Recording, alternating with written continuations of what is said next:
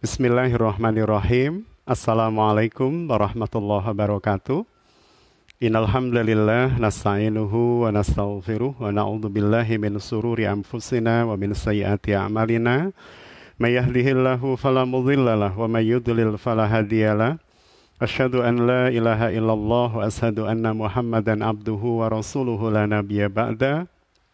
Allahumma salli ala sayyidina Muhammadin wa ala alihi wa sahbihi ajmain. Amma ba'd.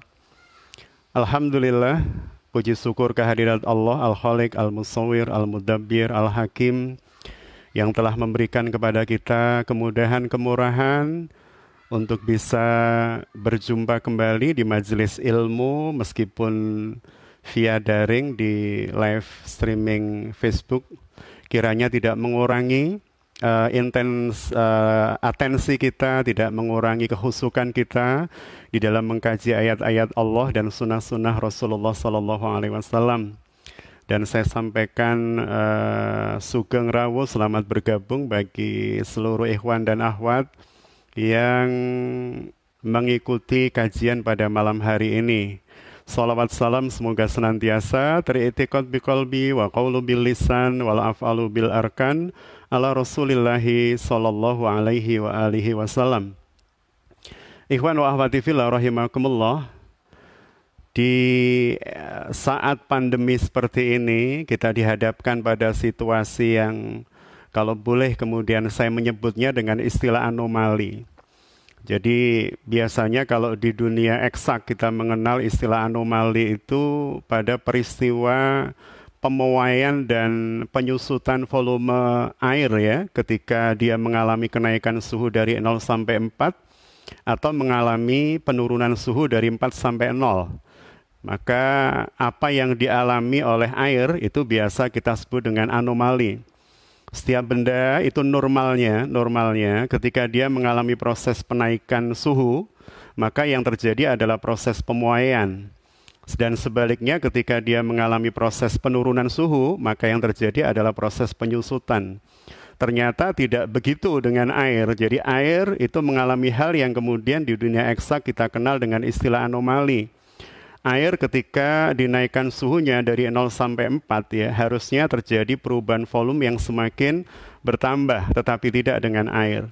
Nah, ketika dia mengalami penurunan suhu dari 4 sampai 0, kejadiannya juga sama. Harusnya air mengalami proses penyusutan volume, tetapi dia justru mengalami pengembangan volume. Inilah yang kemudian kita sebut dengan uh, peristiwa anomali.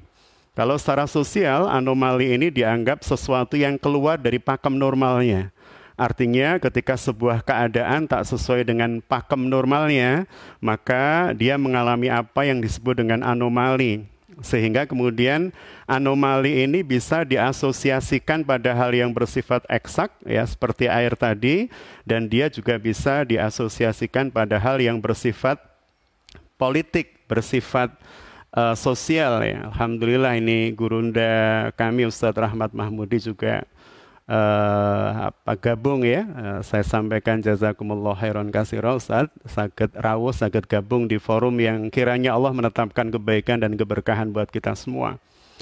Jadi sekali lagi bahwa anomali ini adalah sebuah kata yang bisa kita nisbahkan kepada uh, peristiwa apa pun baik yang bersifat eksak maupun yang bersifat sosial. Jadi sebuah keadaan yang keluar dari pakem normalnya. Maka hari ini atau malam hari ini kita mencoba untuk berbicara atau mengkaji tentang anomali yang terjadi di bulan Syawal ini. Tentu ini sesuatu yang yang menarik ya karena hari ini kita memang berada di bulan uh, tersebut dan subhanallah kita berada pada sebuah keadaan yang tidak pernah kita prediksikan sebelumnya. Bahkan tadi pagi saya bertemu dengan seorang dokter yang kebetulan uh, berkunjung ke rumah, beliau menceritakan tentang kondisi neneknya yang usianya sudah di atas 90 tahun. Sempat terjadi sebuah uh, diskusi ringan dengan sang nenek. Dan ketika sang nenek ditanya sepanjang usia beliau dari mulai beliau sudah mulai faham tentang hidup ya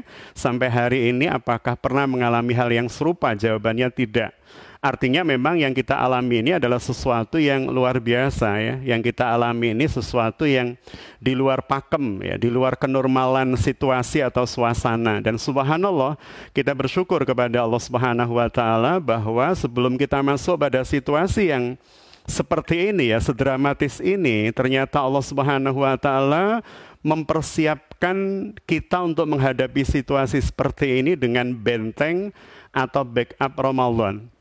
Jadi sungguh sesuatu yang sangat kita syukuri ya, situasi yang sulit seperti ini kita hadapi justru ketika kemudian Allah Subhanahu wa taala memberikan ruang kepada kita, memberikan media kepada kita untuk kemudian memperkuat uh, kekuatan spiritual kita, kekuatan ruhiyah kita. Jadi kuatur ruhiyahnya itu dikuatkan, basicnya dikuatkan oleh Allah Subhanahu wa taala dan kemudian setelah itu kita bisa menerima apa yang terjadi ini dengan penuh uh, ketawakalan.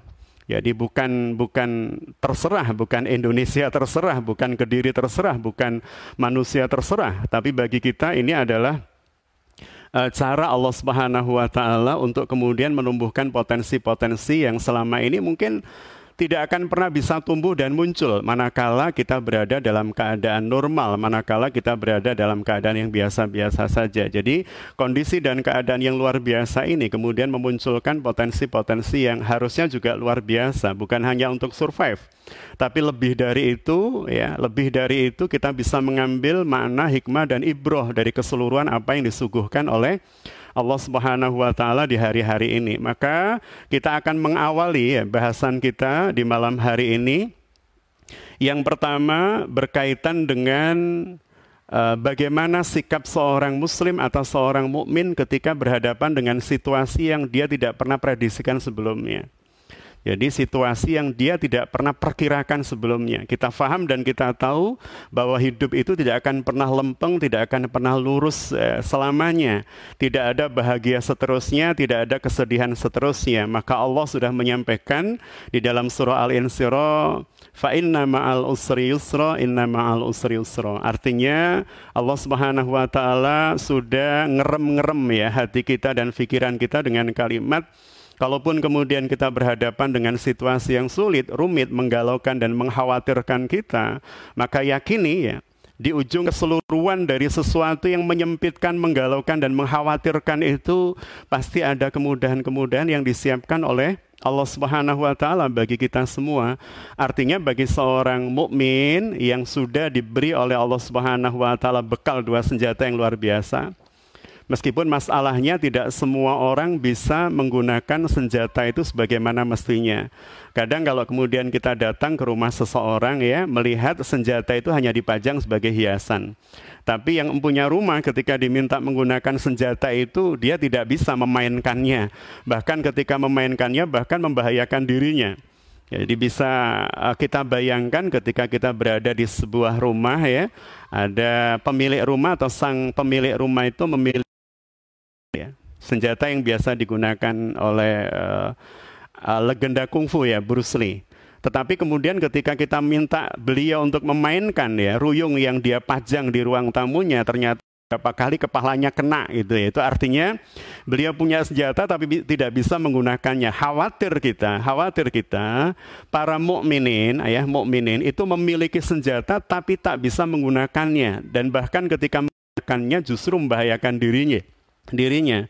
Jadi ini yang kemudian jadi masalah. Jadi dua senjata yang diberikan oleh Allah Subhanahu wa taala kepada kita, yang pertama adalah sabar, kemudian yang kedua adalah syukur. Jadi sabar dan syukur ini adalah dua senjata yang diberikan oleh Allah Subhanahu wa taala untuk menyambut sunatullah kehidupan yang Allah suguhkan pada kita.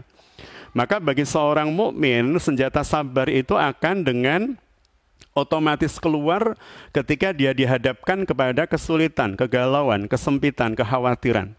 Jadi ketika berhadapan dengan sesuatu yang tidak nyaman, maka refleks senjata sabarnya itu muncul. Ya, bagaimana cara memunculkannya tentu butuh pembiasaan dan salah satunya adalah Ramadan ya. Tempaan selama 30 hari kemarin itu adalah bagian dari cara Allah Subhanahu wa taala untuk menjadikan sabar dan syukur itu sebagai habit buat kita. Karena kalau kemudian dia sudah menjadi habit, dia sudah, sudah tertanam di alam bawah sadar, maka kita meyakini bahwa sesuatu yang sudah tertanam di alam bawah sadar itu keluarnya tidak butuh pemicu dalam tanda petik ya. Tidak butuh motivasi, tidak butuh dorongan ya. Ketika kemudian dia berhadapan dengan sebuah objek yang kemudian mengharuskan sabar itu muncul, maka dengan sendirinya dia akan muncul. Itu kalau sabar sudah menjadi eh, bagian dari kebiasaan dan pembiasaan. Dia sudah jadi bagian dari habit. Ya, demikian pula dengan syukur. Jadi syukur itu kalau kemudian sudah menjadi bagian dari habit ya habit kita, maka bisa dipastikan ketika berhadapan dengan hal yang menyenangkan sekecil apa pun ya, maka yang muncul ya ucapan hamdalah dan bahkan bukan hanya ucapan hamdalah tapi dari sisi perilaku kemudian menunjukkan kebersyukurannya itu. Kok kemudian uh, melihat matahari pagi dalam keadaan ceria, dalam keadaan cerah, mohon maaf, dalam keadaan cerah, maka refleksnya alhamdulillah. Dan bukan hanya alhamdulillah, fisiknya ngikut dengan gerak badan, olahraga, tarik nafas dan seterusnya. Jadi seorang mukmin itu sudah memiliki sifat yang secara genuine sudah diberikan oleh Allah pada saat kita lahir ya namanya sabar dan syukur dan ketika dia berhadapan dengan situasi-situasi yang mengharuskan senjata itu muncul ya baik sabar dan syukur maka dia akan muncul dengan sendirinya maka di situasi yang kemudian saya sebut sebagai anomali jadi kita berada pada situasi yang saya sebut sebagai situasi yang tidak sesuai dengan pakemnya, situasi yang keluar dari bingkai normalnya, itu ya. Alhamdulillah ini ya kakanda kami Mbak Alfia Hasanah juga bisa ngikuti Alhamdulillah. Jadi betapa kemudian sekali lagi ketika kita berhadapan dengan situasi seperti ini, maka dua senjata tadi, baik sabar maupun syukur itu kita lihat seperti apa dia menjadi sebuah refleks ya atau habit yang kemudian keluar saat berhadapan dengan situasi situasi sulit dan itu sudah diajarkan di dalam Ramadan kepada kita semua ya. Jadi Ramadan ini adalah bagian dari cara Allah Subhanahu wa taala mengajarkan kepada kita untuk kemudian bisa memiliki habit baru. Jadi hari-hari ini kita diperdengarkan dan dipertontonkan dengan istilah new normal. New normal. Jadi keadaan yang tidak normal tetapi kemudian menjadi hal yang harus dianggap normal ya dalam situasi yang kemudian harus dianggap normal. Itu yang kemudian hari ini kita kenal sebagai new normal. Meskipun kemudian dalam definisi secara politis orang bisa menarik ke arah mana pun. Tetapi bagi kita, bagi kita, keadaan apa pun bagi seorang mukmin dan muslim ya yang telah melewati fase Ramadan, jadi fase Ramadan adalah fase di mana Allah menempa kita dengan kebiasaan-kebiasaan baik menempa kita dengan kebiasaan-kebiasaan uh, beramal soleh dan seterusnya, maka harusnya memang di ujungnya kita berjumpa atau bertemu dengan pribadi yang kemudian mungkin kita sebut dengan new person itu ya, atau new character. Jadi bagaimana kemudian new normal atau situasi apa pun kemudian bisa dihadapi oleh seorang mukmin karena dia sudah menjadi new person ya, sudah menjadi seorang yang baru, sudah menjadi seorang yang tertempa, menjadi seseorang yang kemudian sudah punya habit baru yang itu sudah dia lakukan selama 30 hari kemarin yang sudah kita lewati. Maka itu sebagai catatan pertama. Jadi catatan pertama kita bahwa hari ini ya alhamdulillah dari Magetan Pak Widai Alf Alfianto juga rawuh ya selamat datang sahabat saya Pak Insinyur Heri dan seterusnya ya semoga keseluruhannya uh, para sahabat, saudara dan kerabat-kerabat kami, sahabat-sahabat kami seluruhnya senantiasa dalam lindungan Allah Subhanahu wa taala. Baik, jadi saya ulang bahwa Ramadan didesain oleh Allah Subhanahu wa taala untuk menciptakan new character, untuk menciptakan new person. Ada sebuah kalimat yang luar biasa dari seorang penulis buku yang cukup populer dan menjadi mega bestseller, internasional mega bestseller, namanya Stephen R. Covey. Jadi Covey menuliskan sebuah buku yang berjudul Seven Habits. Jadi dia mencoba untuk mengajarkan kepada kita dan para pembaca buku tersebut untuk kemudian bisa menghasilkan habit baru yang kita install di dalam atau melalui alam bawah sadar kita dan diharapkan habit baru itu kemudian memunculkan karakter baru dari orang tersebut. Ada beberapa tahapan yang dibuat oleh Kofe di dalam buku tersebut yang disampaikan oleh Kofe. Yang kalau kemudian kita lihat bagaimana Allah atau langit mengajarkan kepada bumi, Allah mengajarkan kepada kita tentang konsep perubahan karakter, maka sejatinya yang ditulis oleh Stephen R. Covey itu 14 abad yang lalu sudah disampaikan oleh Rasulullah Sallallahu Alaihi Wasallam. Jadi Covey mengatakan bahwa Ketika seseorang menginginkan adanya perubahan pada dirinya, maka yang pertama harus dia tanamkan adalah niat kuat. Ya, kalau dalam bahasa kita adalah azam. Jadi ada niat yang sangat kuat bahwa saya pengen berubah. Ya, kalau kemudian misal saya merokok dan kemudian pengen menjadi tidak merokok. Saya terbiasa tidur setelah sholat subuh pengen agar supaya pagi saya produktif. Saya terbiasa kalau malam tertidur uh, tidurnya lebih dari apa setengah malam misalnya lebih dari jam 12 malam ya masuk ke dini hari saya pengen tidur lebih awal jadi ketika kemudian diharapkan dan diinginkan muncul karakter baru kata Kofi yang pertama ya harus ada niat dan niatnya harus sangat kuat jadi bukan bukan niat angin-anginan itu ya tetapi niat yang kemudian benar-benar mendorong hati kita, pikiran kita, kegambar benar perubahan seperti apa yang kita harapkan. Kalau kalimatnya ya meminjam kalimat almarhum Bapak Sony Sugema ya. Beliau mengatakan, maka bayangkan gambarkan tujuan hidupmu itu seterang matahari untuk kemudian memudahkan engkau melangkah. Jadi kata Kofi, niat harus dipasang dulu dan itu harus sangat kuat.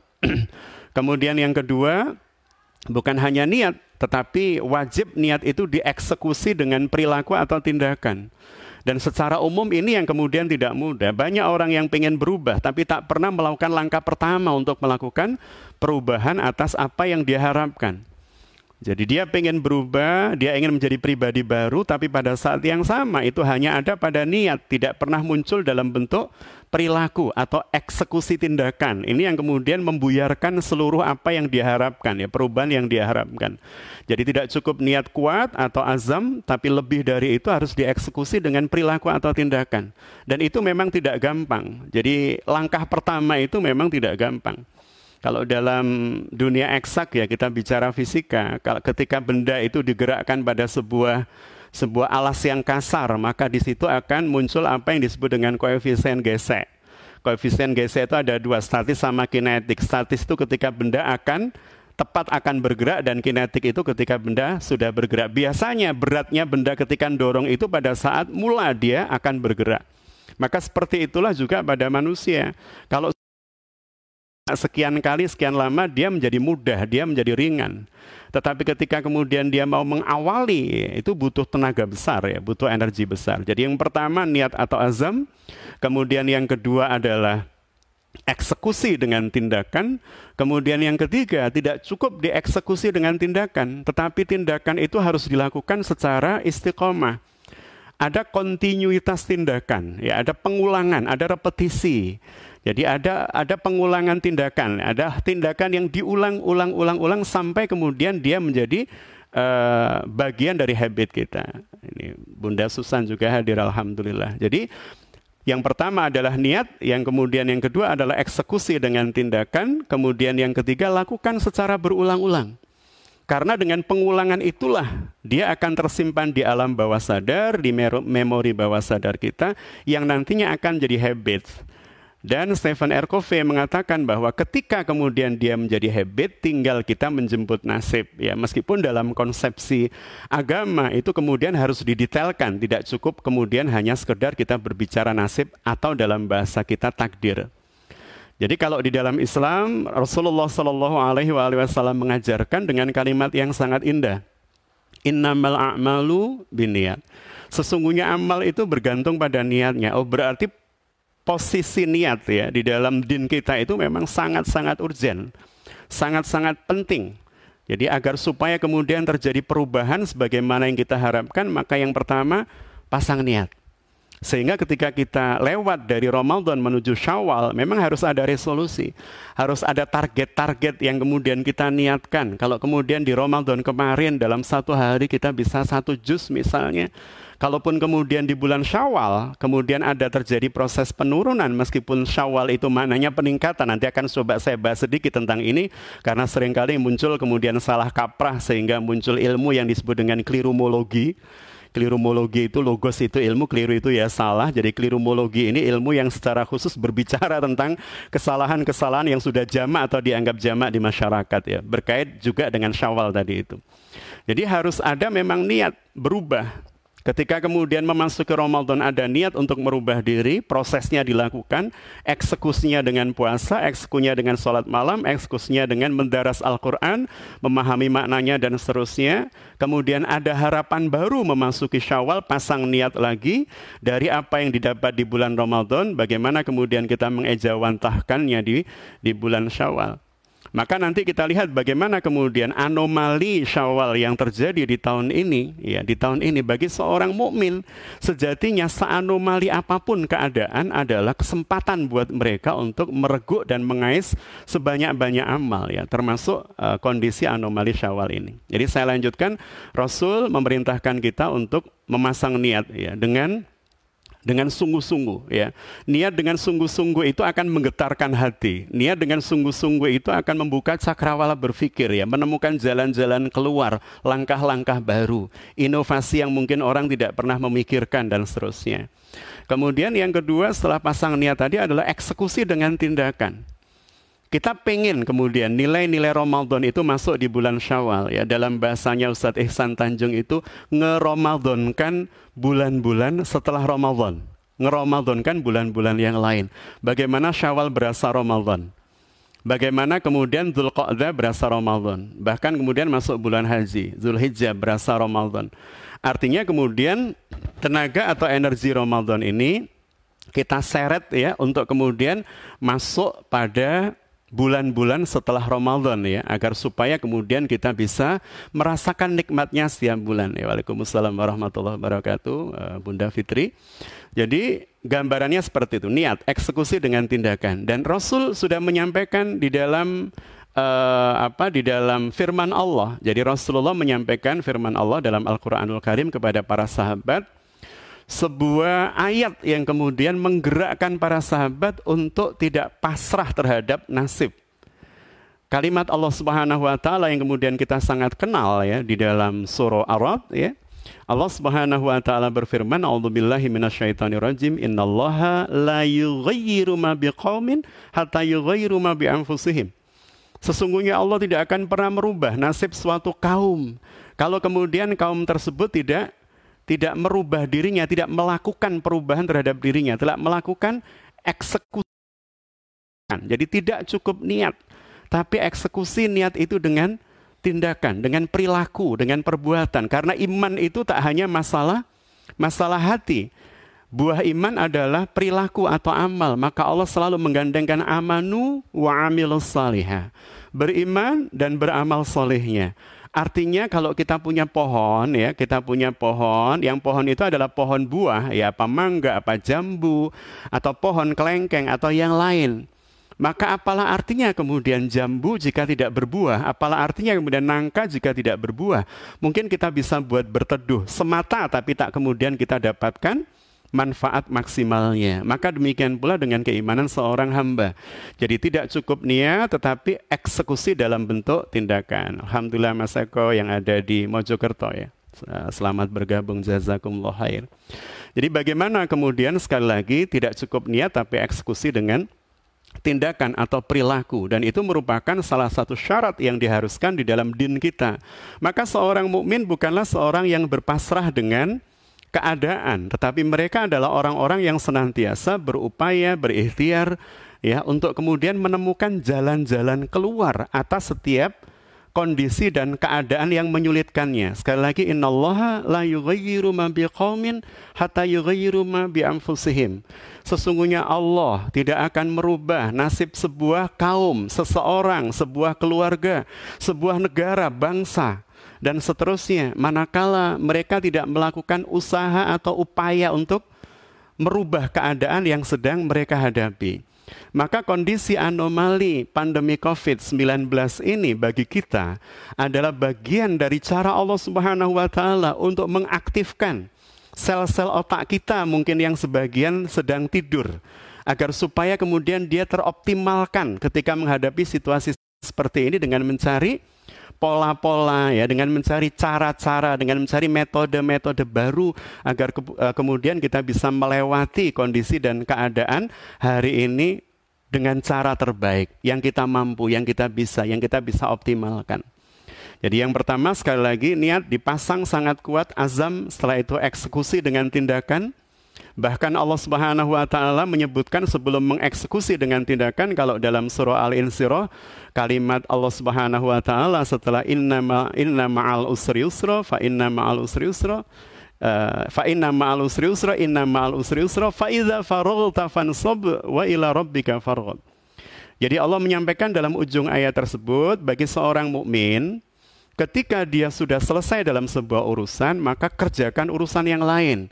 Oh berarti bagi seorang mukmin ya yang diajarkan oleh Tuhan kita pada kita, Rob semesta alam kepada kita, kita harus menjadi seorang planner yang baik, perencana yang baik. Setelah niat dipasang, kita pengen berubah di bulan Syawal maka kemudian dipasang rencananya, programnya apa ini? Cara saya merubah diri apa ini? Agar supaya saya bisa istiqomah membaca Al-Quran, bagaimana cara yang harus saya lakukan? Maka kita membentuk sebuah komunitas kelompok, misalnya Odot, One Day One Juice misalnya. Atau One Day Half Juice misalnya. Atau apalah. Jadi dengan kelompok itu kemudian kita bisa saling bersinergi, bisa saling mengingatkan, bisa saling memotivasi. Jadi setelah niat kemudian kita buat perencanaannya. Programnya seperti apa ini yang mau saya lakukan agar supaya kemudian terjadi perubahan pada diri saya. Dari jarang baca Al-Quran kemudian jadi lebih intens. Oh saya masuk dalam kelompok Odos. Oh saya masuk dalam kelompok Wandi Halzus dan seterusnya. Saya masuk dalam kelompok yang lain. Sama datang juga Pak Rizky Kurniawan. Alhamdulillah bisa gabung juga. Jadi Bapak Ibu yang dirahmati Allah, Ikhwan wa yang dirahmati Allah.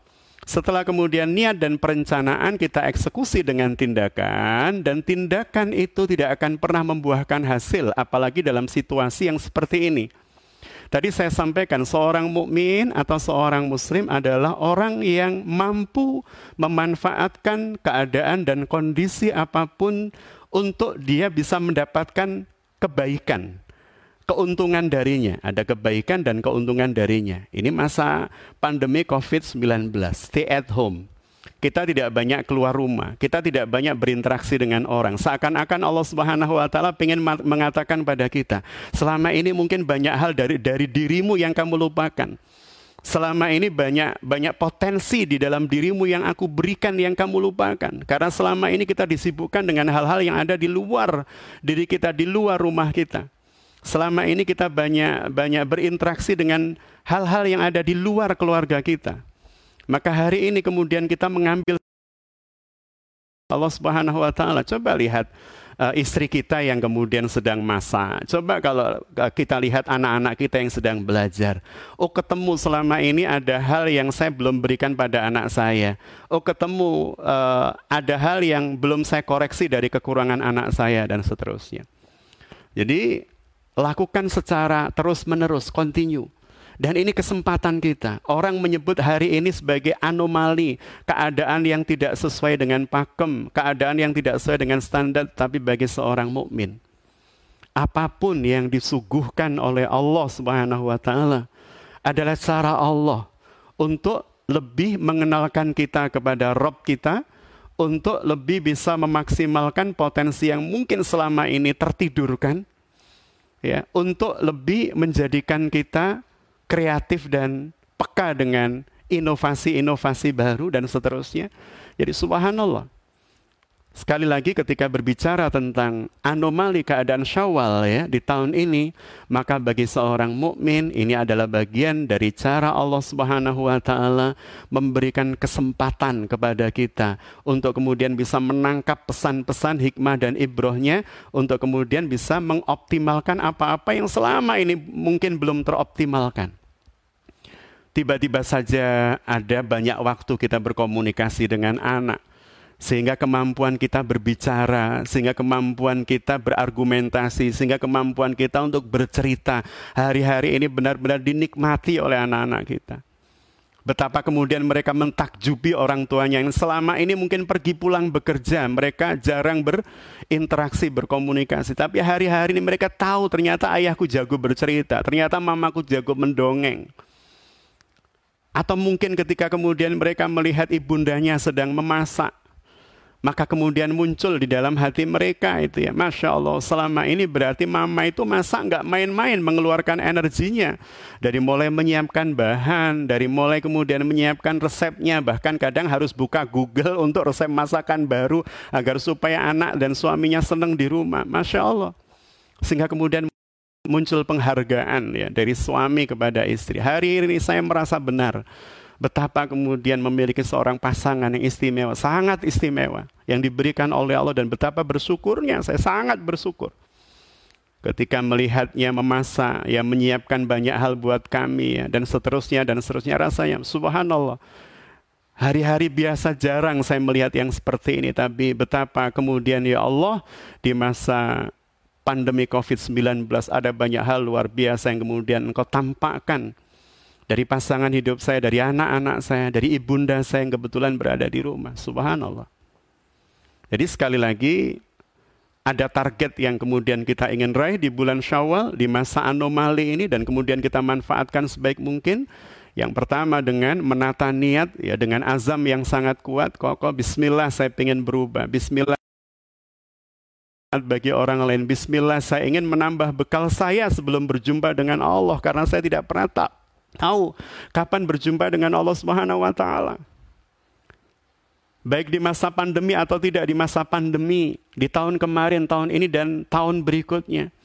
Bisa jadi orang-orang yang bertemu dengan kita, dekat dengan kita, tiba-tiba kemudian hilang karena kembali ke kampung halaman hakiki menuju Allah Subhanahu wa taala dan kita tidak tahu giliran kita di titik mana. Giliran kita di nomor berapa, giliran kita di detik berapa tahun dan seterusnya. Maka bagi kita ketika kemudian kita mendapatkan waktu yang longgar, waktu yang luang di masa yang anomali ini, kemudian kita manfaatkan untuk hal-hal yang sangat bernilai, untuk hal-hal yang kemudian menambah pundi-pundi amal kita di sisi Allah Subhanahu wa taala. Ikhwan wa akhwati fillah rahimakumullah, maka dari runtutan yang kemudian tadi saya sampaikan, menata niat, kemudian membuat perencanaan perubahan, dari hal yang sederhana ya sampai hal yang kemudian rumit, ribet, ya besar dan seterusnya. Kemudian yang kedua eksekusi dengan tindakan, yang ketiga mohon maaf eksekusi dengan tindakan. Kemudian yang keempat lakukan secara berulang-ulang. Sekali lagi lakukan secara berulang-ulang. Karena kunci terbentuknya habit adalah praktek yang dilakukan secara berulang. Coba saya tanya kepada para pemirsa ya, ikhwan wa yang ada di rumah. Setiap panjenengan, setiap Anda, itu kalau makan telur mata sapi, saya bisa memastikan tidak mungkin semua orang sama. Jadi kalau kita makan ya, dihidangkan di hadapan kita, ada nasi, kemudian mungkin sayur lodeh atau sayur apa, ditambah telur mata sapi. Ini kalau kalau bicara telur mata sapi ini kita belajar ikhlas itu ya. Yang bertelur ayam tapi namanya ngambil nama sapi dan ayamnya ikhlas saja itu ya. Meskipun namanya telur mata sapi, bukan telur mata mata ayam itu ya. Jadi subhanallah ketika kemudian kita berbicara tentang uh, apa suguhan tadi itu kita makan disuguhi telur mata sapi. Saya yakin uh, kita tidak memiliki cara yang sama untuk memakannya. Mungkin ada di antara panjenengan yang makannya putihnya dulu. Ada yang kemudian makannya kuningnya dulu. Ada yang kemudian cuek, nggak peduli putih atau kuningnya, campur saja. Pokoknya yang penting rasanya enak untuk dinikmati. Dan kalau kemudian kita mau berpikir secara jernih, bagaimana kemudian itu bisa terjadi? Jawabannya adalah habits. Jawabannya adalah habits. Jawabannya adalah pembiasaan atau perilaku yang dilakukan secara berulang-ulang sejak kecil. Jadi pada saat kita makan ya, di saat kita kecil mungkin lihat ibunda kita, kalau endulang kita, kalau nyuapin kita ini menyuap ya itu ya menyuap ibu menyuap anaknya ya. Tapi kalau ada orang menyuap pejabat haram hukumnya itu kan. Jadi ketika kemudian si ibu ini menyuapi anaknya, maka secara tidak langsung sang ibu sedang menanamkan habit baru buat anak. Setiap kali makan telur mata sapi, si ibu selalu mendahulukan yang putih dimakan oleh si anak. Selalu mendahulukan yang putih. Alhamdulillah bunda-bunda smart mustaqim juga bisa bergabung. Jadi setiap kali makan telur mata sapi, si ibu nyuapin anaknya yang putih dulu didahulukan. Secara tidak langsung si ibu sedang mengajarkan pola makan telur mata sapi pada anak. Yang putih ter dulu terus dimakan, yang putih dulu terus dimakan. Maka bagi anak ini tersimpan di alam bawah sadar kalau terjadi berulang-ulang. Tersimpan di alam bawah sadar, subhanallah ustazah, ini ibu uh, gurunda kita kita semua ya, juga rawuh alhamdulillah. Mohon izin gurunda untuk menyampaikan materi.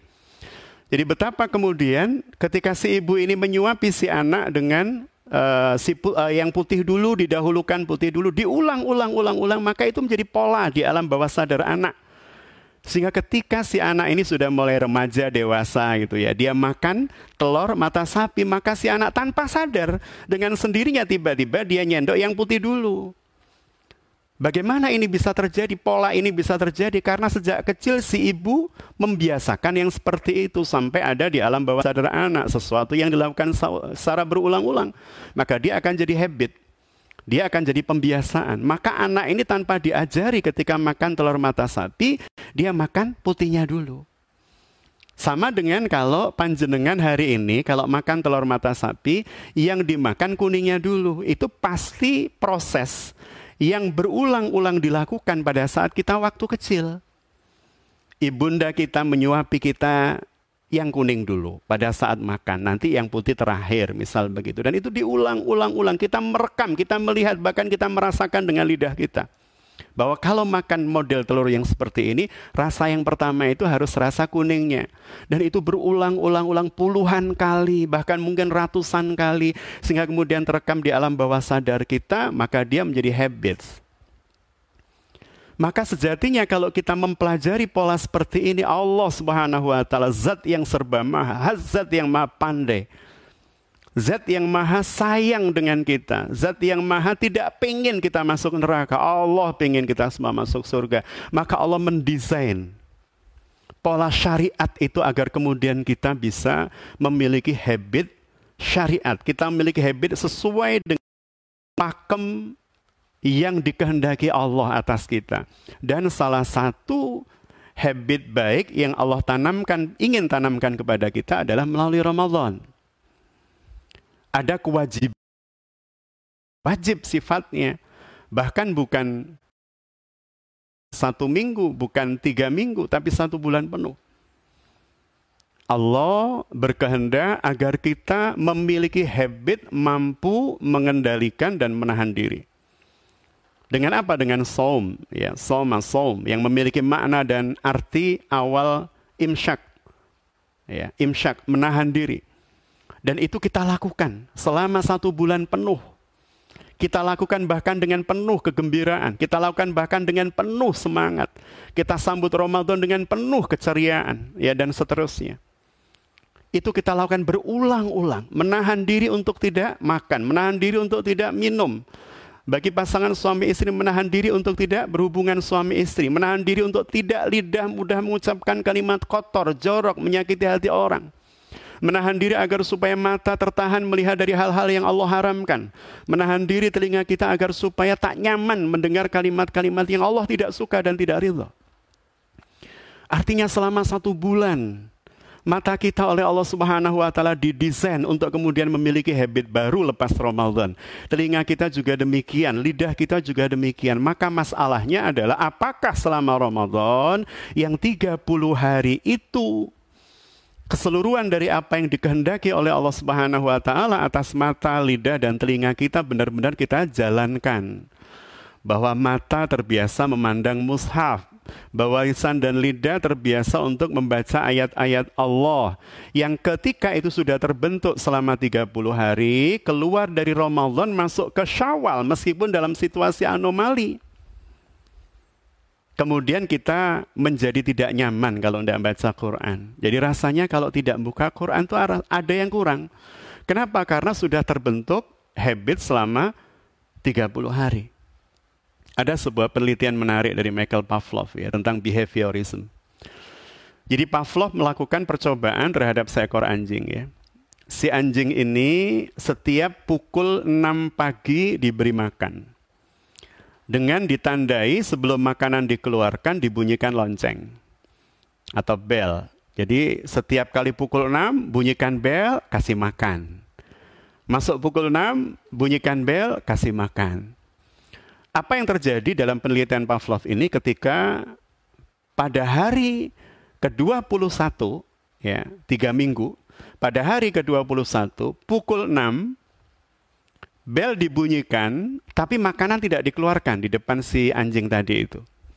Jadi ketika kemudian pukul 6, bel dibunyikan tong teng begitu misalnya, tetapi ternyata makanan tidak dikeluarkan. Dan subhanallah, dalam penelitian tersebut yang terjadi adalah air ludah dari anjing itu tetap keluar. Karena apa? Sudah terjadi proses pembiasaan ya yang menjadi jam biologis di dalam tubuhnya bahwa setiap jam 6 dia akan berhadapan dengan makanan sehingga air liurnya sudah siap. Jadi ketika kemudian makanan disiapkan, air air liurnya sudah siap untuk kemudian membantu proses uh, pengunyahan di dalam mulutnya. Tapi kemudian tidak dikeluarkan dan ternyata air liur tetap keluar hanya karena mendengar bel tadi. Atau percobaan mungkin yang paling sederhana, paling ringan, panjenengan semua bisa melakukannya. Ya. Jadi kalau kemudian malam ini atau saat ini saya minta memejamkan mata, yang kan ada jeruk lemon di depan kita, kemudian jeruk lemon itu kita iris bersama-sama, kemudian bayangkan ya irisan jeruk lemon itu bagian dalamnya kita jilat ya. Bisa jadi kalau kemudian kita membayangkan benar-benar akan keluar air liur kita, itu berarti menunjukkan bahwa pengalaman itu sudah masuk di alam bawah sadar sehingga kemudian menjadi habit. Ah, Ramadan juga begitu. Maka kalau kita kemudian kita melihat anomali syawal, anomali syawal, dari kulturnya sudah anomali. Kultur atau kebiasaan syawal itu kalau di masyarakat Indonesia khususnya, Jawa lebih khusus lagi, itu selepas sholat ada yang namanya unjung-unjung, silaturahim antar tetangga, antar uh, saudara. Tapi benar-benar kita merasakan anomali, sesuatu yang benar-benar sangat tidak pernah kita kita Kan, ya. Mungkin seumur kita, seumur hidup kita, di usia 48 tahun saya tidak pernah membayangkan kemudian bertemu dengan situasi atau keadaan yang seperti ini. ya Keadaan yang seperti ini. Jadi bagaimana kemudian Allah Subhanahu wa taala mengajarkan kepada kita dalam kondisi dan keadaan anomali yang seperti ini, anomali kultural tadi saya sampaikan. Tiba-tiba kemudian sepi tamu. Apakah kemudian sepi tamu, tidak ada silaturahim, silaturahim dalam artian unjung-unjung tadi, kemudian kita menjadi orang yang pasrah dengan keadaan, atau kemudian orang yang kreatif melihat kondisi dan keadaan seperti itu menjadikan kita kemudian mengaktifkan gadget kita itu ya kemudian kita hubungi sanak saudara kita kita cari aplikasi yang kemudian memungkinkan kita berinteraksi dengan banyak orang ini kata sahabat saya Mas Insinyur Heri seperti belajar mengasah uh, gergaji ya, uh, kreativitas, spiral kreativitas. Jadi itu pembentukan habit. Jadi bagaimana kemudian sekali lagi ketika memasuki fase atau masa anomali seperti ini, yang pertama anomali kultural tadi saya sampaikan ya, nggak ada unjung-unjung gitu ya, nggak ada uh, saling saling bersilaturahim dan seterusnya. Kita kita kita tembus ya tembok ini, tembok penghalang ini, penghalang kita bertemu langsung. Hari ini kita oleh Allah Subhanahu wa taala diberi kesempatan untuk melakukan silaturahim melalui batas-batas saya, tembus-tembus batas yang tidak pernah bisa kita pikirkan melalui gadget kita, kita bisa menghubungi siapa pun. Bahkan 100 orang bisa bersama-sama kumpul dalam sebuah aplikasi, kita ngobrol bareng, kita lihat wajah sahabat kita, saudara kita, ibunda kita, ayah kita. Masya Allah. Jadi ada ada anomali kultural, ya kultural. Yang kedua ada anomali spiritual. Betapa kemudian hari ini kita melihat banyak konsep-konsep fikih baru yang pada awalnya tidak pernah kita temukan dalam kitab-kitab klasik. Kita tidak pernah ketemu dengan uh, pelaksanaan sholat Idul Fitri di rumah. Ya kalau konsep fikih klasiknya ada, teori fikih klasiknya ada, tapi benar-benar real dan nyata tidak pernah kita temukan. Tapi hari ini subhanallah ya, ada Bunda Siti, alhamdulillah. Ini komentar Bunda Fitri ya, tidak merasakan silaturahim secara langsung, hanya bisa via medsos dan seterusnya. Jadi betapa kemudian Allah Subhanahu wa taala mengulik bagian sistem saraf kita yang mungkin selama ini belum teroptimalisasi dengan keadaan ini kemudian kita cari celah agar supaya silaturahim itu tidak putus. Karena bagian dari perilaku yang sangat dibenci oleh Allah dan Rasulnya adalah memutus silaturahim. Maka kemudian kita buka aplikasi-aplikasi yang tersedia di App Store di handphone kita. Dan Alhamdulillah mulai kemarin uh, aplikasi suara hati kita sudah kita luncurkan ya produk barunya sudah terevisi dan insya Allah lebih cepat lebih ringan diakses ada banyak hal yang kemudian panjenengan bisa dapatkan di sana baik ceramah-ceramah kami kemudian materi-materi ESQ kami kemudian buku-buku kami semuanya bisa diakses dengan gampang dan mudah dan secara gratis. Monggo dan semoga ada manfaatnya.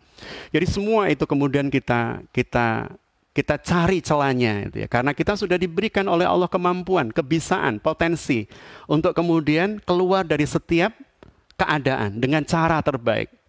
Tinggal apakah kemudian kita mau atau tidak karena ayatnya di awal yang sudah kami jelaskan tadi innallaha la ma hatta ma.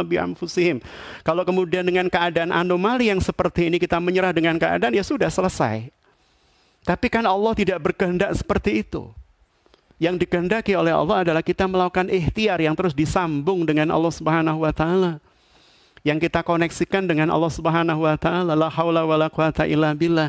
Ya Rob, yang kami lakukan dan kami bisa adalah berpikir, bertindak, berbuat. Ujung akhir dari usaha kami hasilnya engkau yang menentukan. Maka itu adalah bentuk ketawakalan seorang mukmin. Jadi ada anomali sosial kultural tadi tentang silaturahim, ketemu langsung, kemudian jabat tangan, kita peluk. Hari-hari ini kita tidak bisa merasakan itu. Kita mencoba untuk mengganti keseluruhannya dengan cara-cara yang kita mampu dan kita bisa. Ya, saling mendoakan hari ini mungkin lebih intens kita lakukan itu kan. Yang kedua adalah anomali spiritual. Tadi saya sampaikan betapa kemudian tidak pernah membayangkan masa sholat id di rumah gitu kan. Masa sholat id kemudian uh, saya hanya berhadapan dengan anak saya misalnya, istri saya misalnya. Ya kebetulan kalau di tempat kami mengadakan sholat id khusus warga perumahan di dalam skup kecil. Dan itu pun mengikuti protokol yang cukup ketat ya. Protokol medis yang cukup ketat dari mulai pakai uh, digital sensor untuk suhu ya termo kemudian uh, hand sanitizer kemudian memakai masker dan seterusnya jadi hal-hal yang tidak pernah kita pikirkan dan kemudian hari ini Allah hadirkan. Maka bagi seorang mukmin tidak ada alasan dalam tanda petik ya untuk tidak melaksanakan sholat idul fitri ketika kemudian kita punya kesempatan. Maka hari-hari ini kita dengar, kita lihat ya kisah-kisah sahabat kita yang seakan-akan sangat heroik menjadi pahlawan di keluarga karena baru kali ini menjadi khotib di rumah. Ada seorang sahabat menyampaikan, seumur-umur saya itu belajar agama itu, belajar sholat sama wudhu, atau zakat, atau lima arkanul Islam dan tidak lebih dari itu. Saya tidak pernah belajar tentang syarat dan rukun seorang khotib. Gitu ya. Tapi kemudian ketika dalam keadaan pandemi yang seperti ini terjadi ketidaknormalan atau anomali yang sifatnya fikih ya. Hal-hal yang bersifat fikih, fikih. Kemudian dia mulai buka-buka buku bagaimana cara menjadi seorang khotib ya apa syaratnya, bagaimana cara membukanya, bagaimana rukunnya dan seterusnya. Dia pelajari dan kemudian dia sukses menjadi khotib bagi keluarganya dan itu rasanya subhanallah membuncah kebahagiaan. Jadi anomali syawal dari mulai anomali sosiokultural, kemudian anomali spiritual, ternyata keseluruhannya sejatinya memiliki jalan keluar. Maka bagi seorang muslim dan mukmin tidak boleh mengedepankan keluhan. Jadi tidak boleh mengedepankan keluhan, apalagi keluhan terhadap makhluk. Ya, apalagi keluhan terhadap makhluk. Kalau keluhan tersebut bersifat manusiawi, hal yang lumrah, tapi tidak diperturutkan sehingga kemudian menjadi keluhan yang tes ketetapan dan takdir yang sudah ditetapkan oleh Allah Subhanahu wa taala. Saya sudah beli tiket mau pulang. Kok kemudian ada pandemi seperti ini? Rasa-rasanya Allah tidak adil dalam hati. Rasanya Allah tidak adil. Sudah beri tiket, ini harus membatalkan proses pembatalannya. Pengembalian duitnya baru satu bulan dan seterusnya dan seterusnya. Jadi sekali lagi, tetap harus muncul optimisme bagi seorang muslim, seorang mukmin ketika berhadapan dengan situasi anomali seperti ini bahwa segalanya pasti ada ujungnya, segalanya pasti ada akhirnya. Ada sebuah informasi luar biasa, misalnya yang kita dapatkan dari uh, lembaga lingkungan hidup dunia, misalnya WWWF, ya binatang, pencinta binatang dan seterusnya. Jadi bagaimana kemudian kita dapatkan informasi di tanggal 22 April ya, ketika kemudian diperingati sebagai Hari Bumi Dunia atau a day. Jadi pada saat itu kemudian dilaporkan di National Geographic bahwa bumi mengalami proses peremajaan seperti 30 tahun yang lalu. Ya, coba bisa kita bayangkan. Bumi mengalami proses peremajaan diri seperti keadaan 30 tahun yang lalu. Tentu ini menjadikan menjadikan catatan tersendiri buat kita. Sama dengan eh, sama dengan ketika Allah mewajibkan kita puasa, ada hal nggak nyaman. Pada tubuh kita yang biasa makan, tiba-tiba kemudian tidak boleh makan eh, sembarangan itu kan setiap saat, setiap waktu. Ada waktu-waktu khusus gitu ya. Ada hal yang tidak nyaman, ada hal yang tidak enak, ada hal yang menyempitkan, ada hal yang buat kita macam-macam itu ya. Tapi kemudian justru dengan itulah Allah meremajakan sel kita. Tapi justru dengan itulah Allah Subhanahu wa taala membuat tubuh kita lebih sehat. Maka ada banyak kalimat dari banyak orang, ketika puasa kok linu-linu saya hilang ya. Ketika puasa kok badan saya lebih ringan rasanya ya dan seterusnya subhanallah. Betapa itu kemudian menunjukkan hikmah yang diberikan oleh Allah bagi orang-orang yang dalam tanda petik berlelah-lelah, menahan lapar, dahaga, lebih lebih hebat lagi dan lebih lengkap lagi menahan pandangan, menahan pendengaran, menahan lidah dan lisan dan seterusnya. Jadi bumi sedang mengalami proses restarting. Ya. Pada saat kemudian pandemi ini berlangsung. Sehingga kemudian dia menjadi seperti usia 30 tahun silam. Kalau hari ini usia saya mau masuk ke 47, 48. 30 tahun silam, saya baru 27 di usia 27 betapa saya bisa membayangkan diri saya pada saat itu bisa bergerak, bisa beraktivitas, bisa melakukan banyak hal dengan sangat lincahnya misalnya. Tidak seperti hari ini. Maka begitulah bumi didesain oleh Allah dengan dengan peristiwa ini, dengan wabah pandemi Covid ini. Ternyata kemudian polutan-polutan menjadi menipis itu kan. Pabrik-pabrik tutup, banyak kendaraan yang tidak keluar rumah dan seterusnya dan itu subhanallah menjadikan bumi kita lebih sehat tanpa kemudian kita menyadarinya oh berarti berarti 30 tahun bumi ini menjadi tidak sehat itu karena ulah manusia dan hari ini manusia harus merasakannya terlepas dari teori konspirasi covid dan seterusnya tapi bagi kita ini sudah kejadian dan ini bagian takdir Allah yang harus kita terima Semakin kita menerima dengan sabar, dengan sadar, maka insya Allah semakin banyak peluang bagi kita untuk melakukan kebaikan. Semakin kita menerima dengan tidak sabar, tidak sadar, penolakan, ya, dan seterusnya, maka semakin sulit bagi kita untuk menghadapi keadaan dan situasi seperti ini. Maka ikhwan wa akhwati rahimakumullah. Jadi Allah mengajarkan pada kita banyak hal. Tadi pada saat kita mengalami anomali sosiokultural, maka gadget mungkin yang selama ini kurang bermanfaat dan berfungsi untuk kebaikan, benar-benar termanfaatkan dan terfungsikan untuk kebaikan. Maka orang kemudian lebih lebih nyaman dengan membaca Al-Quran ke mana-mana. Karena apa? Karena gadget yang dia bawa. Ya, kalau dulu harus bawa mushaf itu kan, Nah, sekarang cukup dengan gadget ada aplikasi Quran dan seterusnya. Yang kedua, banyak orang kemudian mulai belajar tentang konsep fikih-fikih yang pada awalnya mereka mungkin buta sama sekali. Bahwa ternyata boleh dan ada pendapat itu ya dari banyak ulama termasuk empat imam mazhab. Ya, yang mengatur bagaimana keadaan sholat atau pelaksanaan sholat idul fitri manakala terjadi hal-hal yang tidak memungkinkan untuk melaksanakannya. Yang ketiga, ada anomali spiritual, ya, ada, ada anomali sosiokultural. Yang ketiga ada anomali yang menghubungkan atau mengkaitkan keduanya. Secara sosiokultural terdampak itu ya, dan kemudian secara spiritual terdampak. Bahkan secara ekonomi juga terdampak. Bagi panjenengan semua, yang sudah pernah berziarah Makkah Madinah ya bagi yang belum saya doakan kiranya Allah Subhanahu wa taala memudahkan panjenengan semua untuk bisa hadir di Makkah dan Madinah. Bagi yang sudah saya doakan kiranya Allah Subhanahu wa taala mengembalikan panjenengan untuk bisa hadir ke Makkah Madinah bersama keluarga. Jadi bagi yang sudah pernah berziarah Makkah Madinah, kalau saya tanya, pernahkah kita berpikir ketika berada di tengah-tengah orang yang sedang bertawaf, kita berada di dalam Masjidil Haram, melihat Baitullah, melihat Ka'bah. Kalau bicara seperti ini saya agak sensitif, mohon maaf. Jadi ketika kemudian kita melihat Baitullah, kita melihat ada ratusan ribu orang yang sedang bertawaf. Pernahkah kita berpikir bahwa tempat itu suatu saat akan sepi? Saya jamin dengan pasti bahwa kita tidak akan pernah berpikir tempat ini bisa sepi. Kita mau tawaf di malam hari banyak orang. Kita mau tawaf di siang hari banyak orang. Kita mau tawaf di pagi hari, di tengah siang bolong yang panas terik masih banyak orang penuh. Dan tawaf itu hanya berhenti pada saat kemudian iqamah dikumandangkan dalam dalam rangka melaksanakan sholat. Seakan-akan bagi kita dalam rasionalitas manusia, dalam akal mereka, dalam logika kita, Baitullah tidak akan pernah sepi.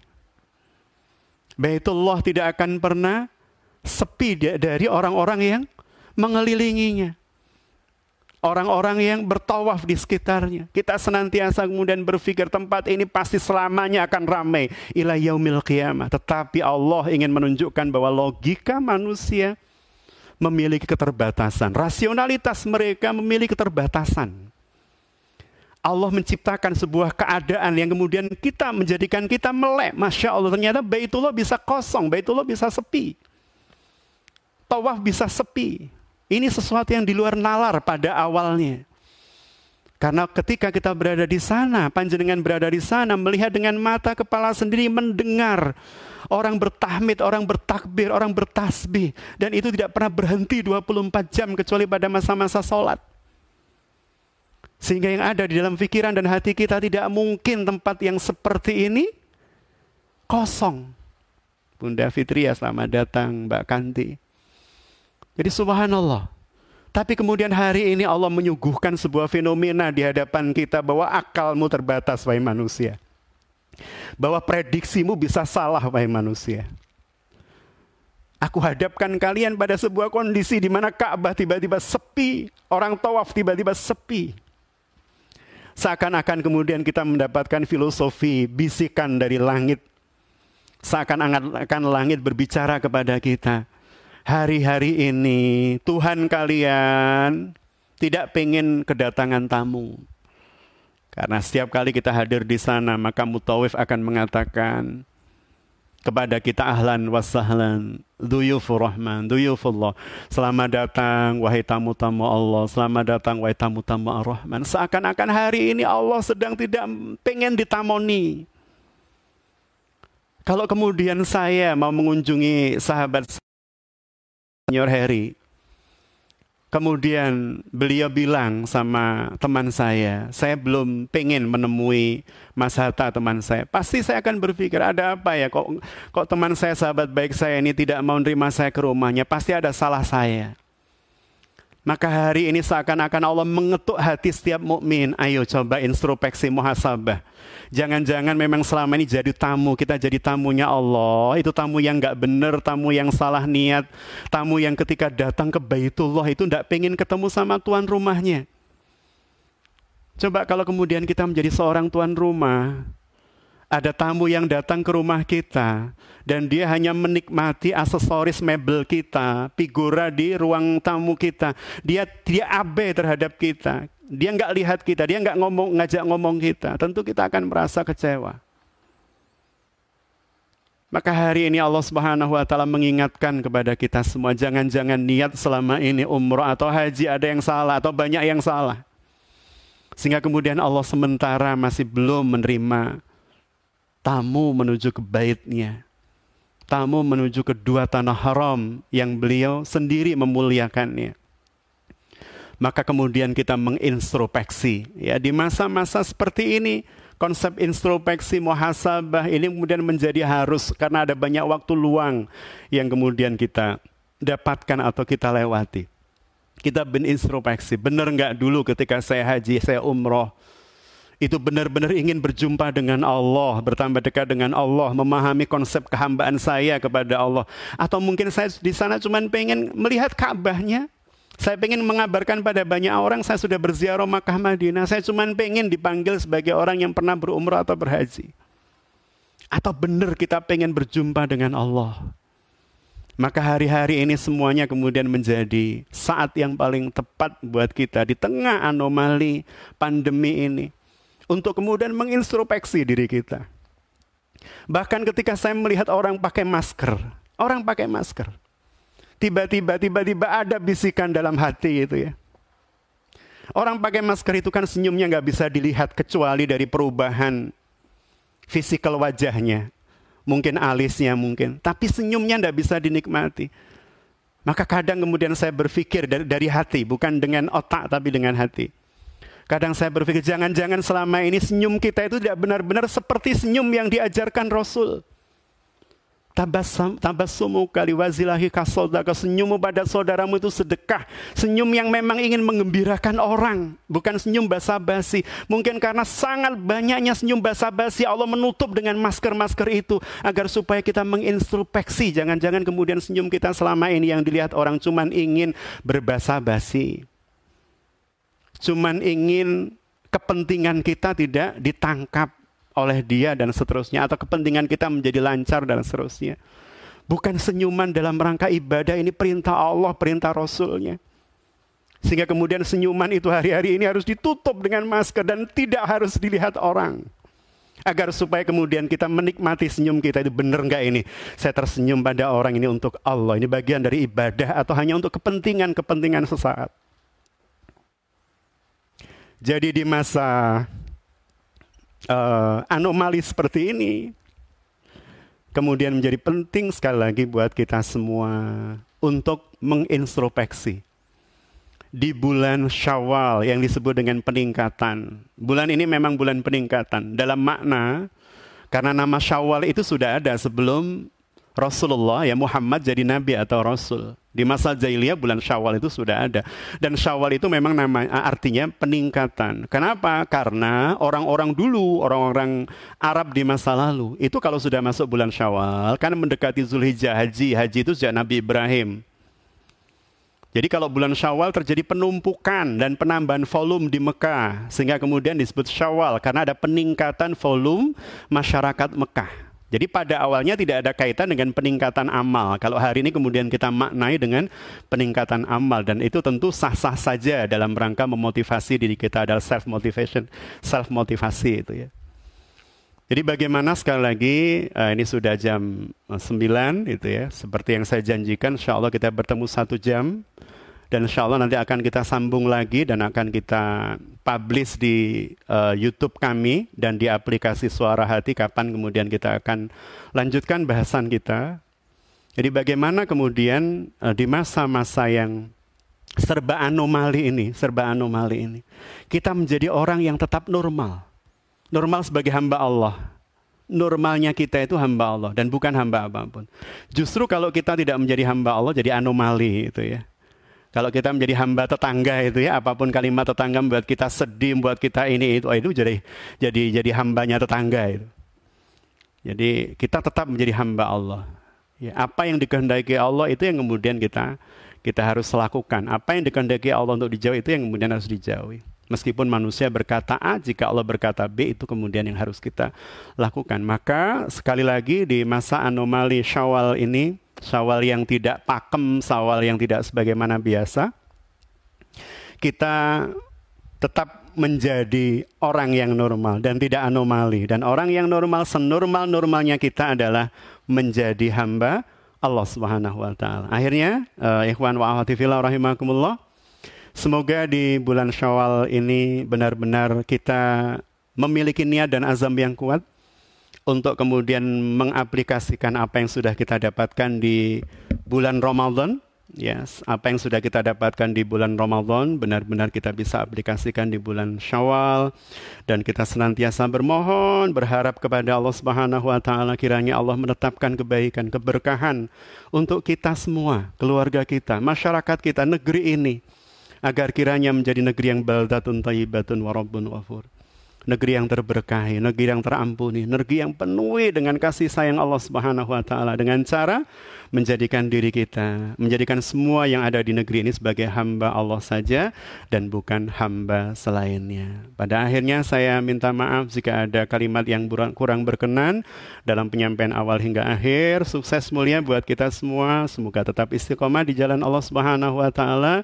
Saya mohon diri billahi taufik wal hidayah. Assalamualaikum warahmatullahi wabarakatuh.